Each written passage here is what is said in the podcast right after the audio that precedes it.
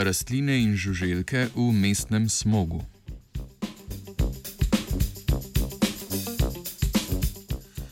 Današnji znanstveni Britov posvečamo študiji nedavno objavljeni v reviji Nature Communications, ki razkriva, kako povišene koncentracije dušikovega dioksida v zraku, primerljive s tistimi v mestnih središčih, vplivajo na rastline in rastlinojede žuželke.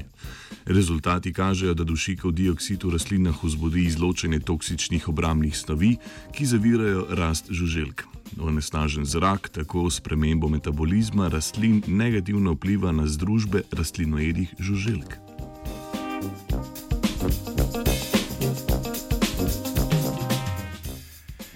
Dušikov dioksid nastaja pri večini procesov izgorevanja fosilnih goriv in je zelo škodljiv za zdravje ljudi. Manj znano pa je, kako vpliva na rastline, ki ga lahko prevzemajo preko koreninskega sistema ali neposredno preko listov iz onesnaženega zraka. V omenjeni študiji so ugotovili, da privzem dušikovega dioksida preko listov testnih rastlin tobaka poveča produkcijo toksičnih obrambnih snovi, vključno z alkaloidi in nikotinom.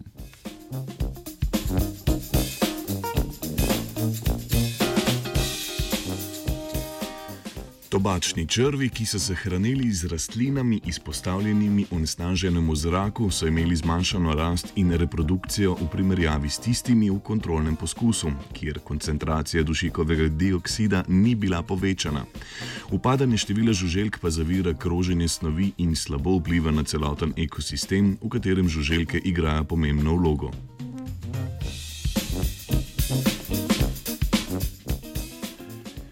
Prav tako so v študiji pokazali, da tudi žuželke oziroma larve, ki se hranijo z listi, vplivajo na dogajanje v rastlini. Ob povišanem dušikovem dioksidu v zraku so ga listi rastline, na katerih so se hranili črvi, privzemali 40 odstotkov manj. Tako so žuželke omejile sposobnost vegetacije in zmanjševanje dušikovih spojin v onesnaženem zraku.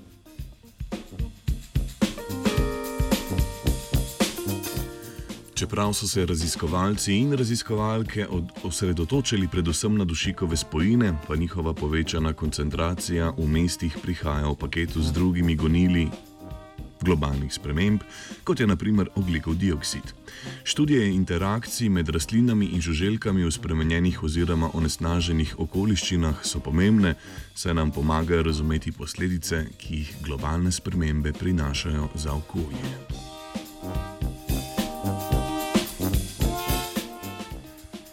Prijetno dihanje vam želi Katarina.